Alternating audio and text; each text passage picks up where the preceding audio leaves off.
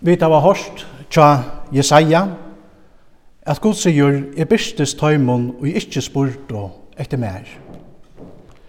Lykka som ta, er det òsne i det, nek folk som ikkje spyrja etter gode. De vilja i grunden ikkje hava nekka vi gode at gjerra, og halda at de klarar seg funkt utan god og i løvnum. Nek velja a sluta öll bond vi tar kristno røktor, Du at de vilja roa iver tæra ekna løyve og gjere det og i tøymon lyster. Men fyrr etla søytne må hesekorsene vikenga at eit løyv og i sintanjotan ikkje meknar a djeva øynon tan frien og ta gleina som vi öll velja hava bruk fyrir.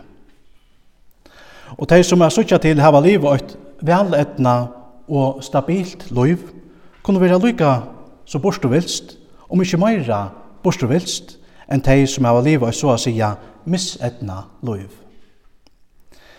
Etter æsne båskaperen som evangeliet til hendan dagen snur seg om. Vi har så lagt vi har gløyma at luknelse om hin borsteferna sonen og i grunnene er at luknelse om tvoir siner. Ikke bare øyn, men tvoir siner. Om tvei slø av menneskjon som er skerpeie og elskaie av gode.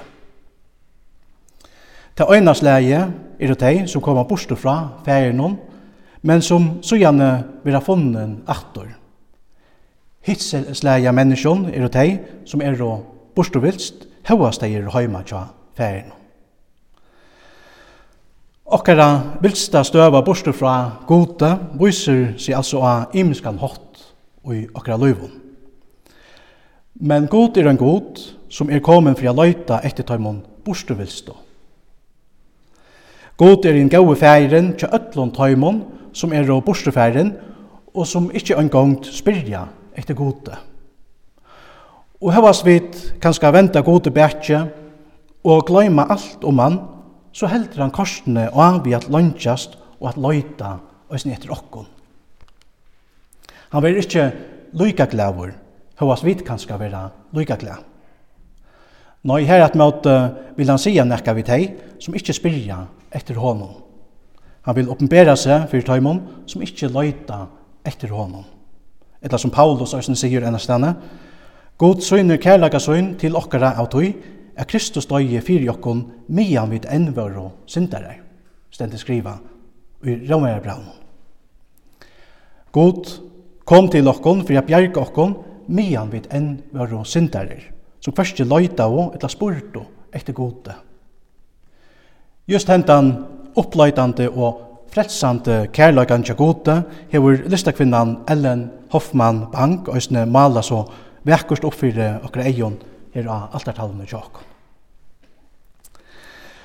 Og i kapittel 15 tja Lukas leser vi tru at de mest kjente luknelsen tja Jesus.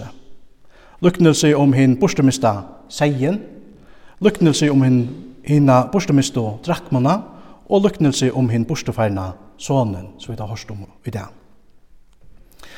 Og med seg her luknelsene har vært kjent i enskje biskoperen Jotse Ryle sagt, til hest ønsken kapittel i Bibelene, som har gjort så nekv godt for salen her, til menneskjon. Just hessen kapitlen, kapittel 15, til Lukas. Og måtte jeg her kapitlen også sin gjørs for godt for jokken her og i det, i sin teksteren som vi da varst. De første og tvei versene og i kapittel 15, John Lukas, gjør okken årsøkene til at Jesus kommer visøgnen lyknelse. Jeg leser vidt. Men atler toddlare og syndarer hilder seg nær at honom fyrir at loja han. Og bægir farsierne og hinn skriftlært og knarra og, og sett og Hesen fagnar syndarum og etur sama vi tøymon. Tøyr religiøse løyerne av Jesu døvun domtu alls ikkje til som han sier og gjør det til at han, han er i samfella vi slik menneskje som tar religiøse løyerne sjølver skutja av. Men det gjør det Jesus korsen ikki. Her at måte elskar Jesus deg som öll ånder hært av. Det gjør han øsne og i det. Han elskar okkun öll. Fyrir han hefur det ikke at tøya hvordan ung menneske er, eller hvordan gommel det er, hvordan løytil det er, eller hvordan stor det er, hva det er førfire, eller hva det ikke er førfire. Om folk kalda at det er virusmikil, dama deg, eller ikke dama deg.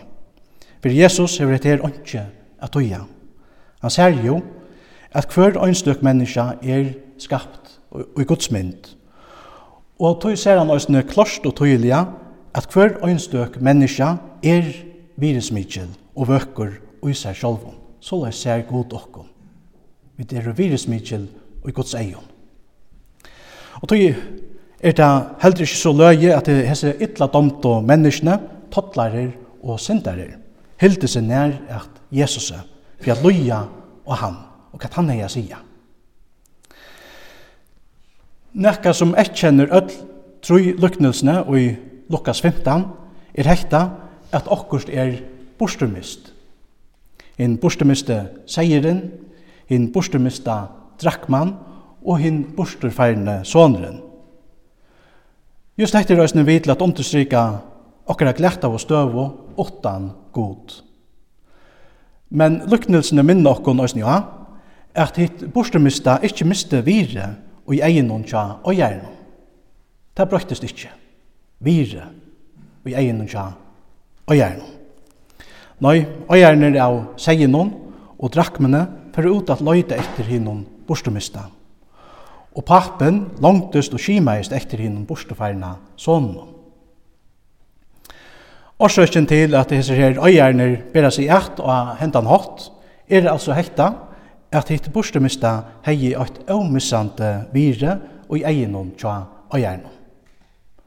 Og tog vil du hese røysni heva til aktor som tar rødt og mist. Så løys hever gode øysni vi vujkjante sunnen elskaja, men bortstumista skapningi. Så løys hever han da vi okkon öllum. Høyast vi kanskje er lengt borste fra gode, og hverst hugsa om man etla løyta etter honom, så er godkorsene avgjørter og i hæsson at løyta intlan finner okkon menneskje. Etla som Jesus sjálfur sier, til at menneskjesåneren er komen at løyta opp hitt feirna og at bjerga døy. Etta kan sies om öll menneskje. Menneskjesåneren er komen at løyta opp hitt feirna og at bjerga døy. Just hekti er den grunnleggjande båskapren og i luknelsen om. God han elskar okkon, og vil hava fellesskap vi kvann øynstekan av okkom. Lykka mykje kusse borstu vi vilst vi så er og i akkara løyve. Og i lyknelsen om hinn borstufærna sonen lesa vi at han yngre sonen byr pappa som djeva seg til i han skulle i arva etter han. Men a bia pappan om hekta var i grunden det samme som a sia bant upp i anlitt av pappan om du bara døye Det, så hei jeg kunna liva som er lystig. Og i samtøyene var hette avhørst, og en stor hoan pappan pappanen, familjene, og tar man galtande normen og i samfellanen. Og tar i farsierne som hørte etter luknelse, heva oiva hoksa vissa seg sjálvum, at det einasta rætta tja pappanon vera refsa sonen, og at nokta djevon hendan arven men det gjør pappen korsene ikke. Her at du møter løyvran sånn at gjør det og han ikke. Og så løser det øsene vi var kjente okkon. God han tvingar okkon ikke til at være tjan. Det handler ikke om, om tvang. Men om vi venter god og gods rydtje bjertje, så heldur god korsene av vi at landjast etter okkon, menneskjon. Han er ikke løye ødel menneskje og öll tei heimator som koma bostur av loi.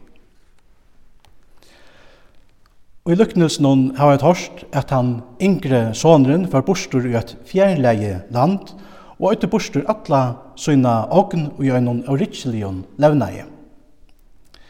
Etter at hava orsla atlan peningi bostur gjør noen vittlun loive, får sonren at loja nei. Og i en, en er røynt a skaffa seg pening, fekk sonren arbeid som svinapassare, og han vildi enda etta til som svinne auto. Fyrir jötar og Jesus samtøy, vil detta veri til lagsta støye som han kom noa. Sambarst rabbinsko launa, var det så at vera svinapassare, at øyne kvar som uh, tøkst vi et her arbeid, var helten av være under Guds banning.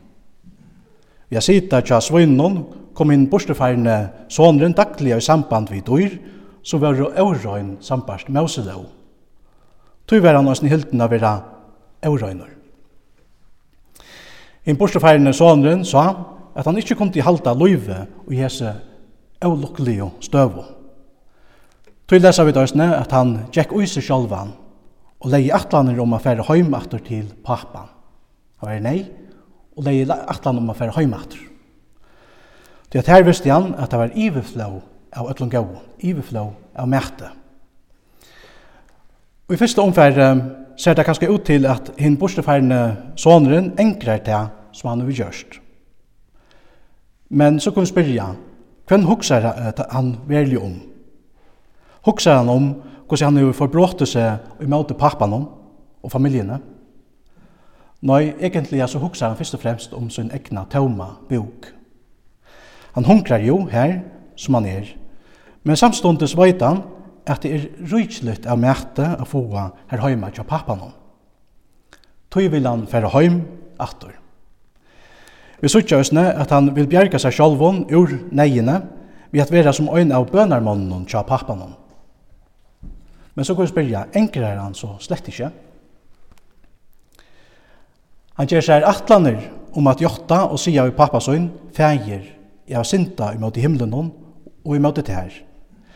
Men hva sekta, så heldur han korsene fast vid sine atlan om at bjerga seg sjolvun. Han lukist farisieren, som gikk og høgte på i launa, bø og lenkar bøner, og, og tøktost av vera sera godsøktande. Men høyast alt hekta, vildu ta korsene ikkje sleppa tar atlan om at bjerga seg sjolvun tjøkno tar ekno gjerningar. Kvett man for at henta, ta sonren kjemur heim. Jo, medan han enn var lengt bostor, sa pappen han og for rennande imot i honom og halsfendi han og kisti han, så vi sutja oss nya alt er tallene. Sluika møttøk og heia neivan finnje om han tjekk atlan vegin inn i bojen. Det er folk har ikke glemt det som han har gjort. Han sier at jød og gjør mot familjene og pappaen. Vi har renna ei mykte pappen seg, til at dette var nemlig ikke nekka som virlige menn gjør det å ta av døvun. Han ei mykje seg i øsne, ta han omfevner og kisser sonen som hei misbjøa hånden. Hvor ber han seg så la seg? Jo, Etter øtlanda døma, ei mykjer han seg og renner i møte sonen for jeg bjerger honom fra en minne blodgjere møtøkko heima og i heimbygdene. Sær jøsnon fra tøymon samfellagsli og normnon ta døvon, rintar pappen altså en stauran prøys for jeg bjerga sonen. Vi har sett seg sjølvan lokt og renna i møte sonen, viser pappen sonen og en helt avvantajan kærleika. Og hesson veru Jesu frelsesgjerningur malaver opp fyrir okkara eion. Og i kærleika lette han seg fua inn og gjør en syndafallnan og syndafotlan heim. Han sette seg sjálvan lokt.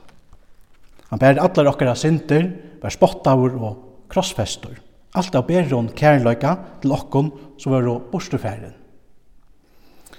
Og sånn er nøytist alls ikke at blukka pappan av nekran hott, åren han narskast honom.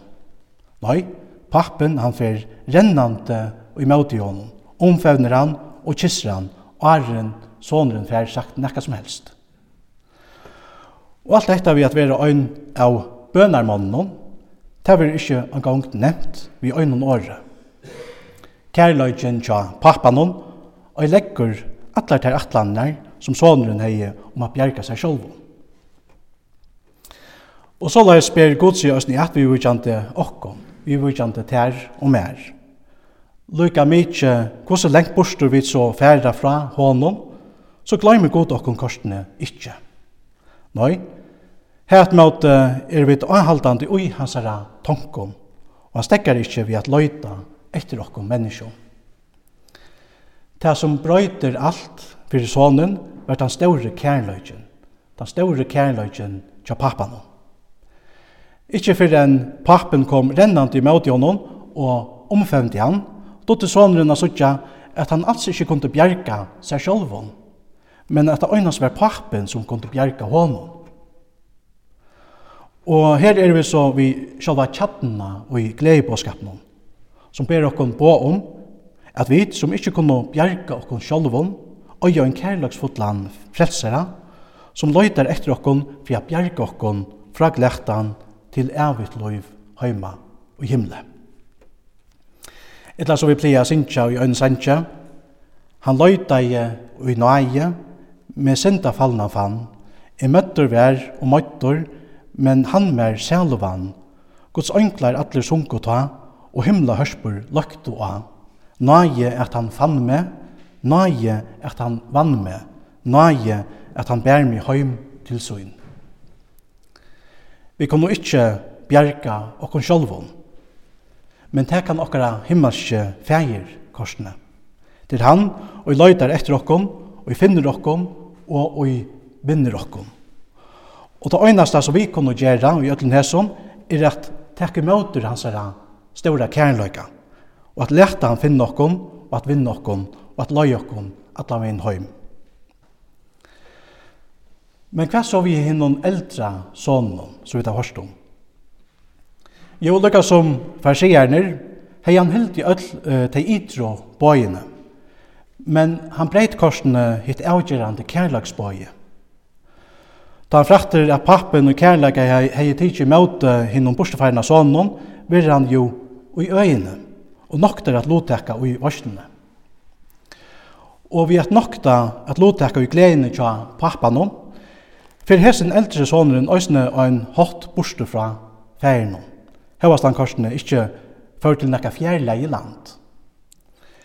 Men øysene i fyrir hesen sonen er pappen viljur til at ei mykja seg. Han fyrir ut, fyrir ut ur varslene som vi da fer fyrir jeg bjau honom inn, fyrir jeg bjau hesen her eh, sonen som er vannvirstansere kærløyga inn i hina større varslene.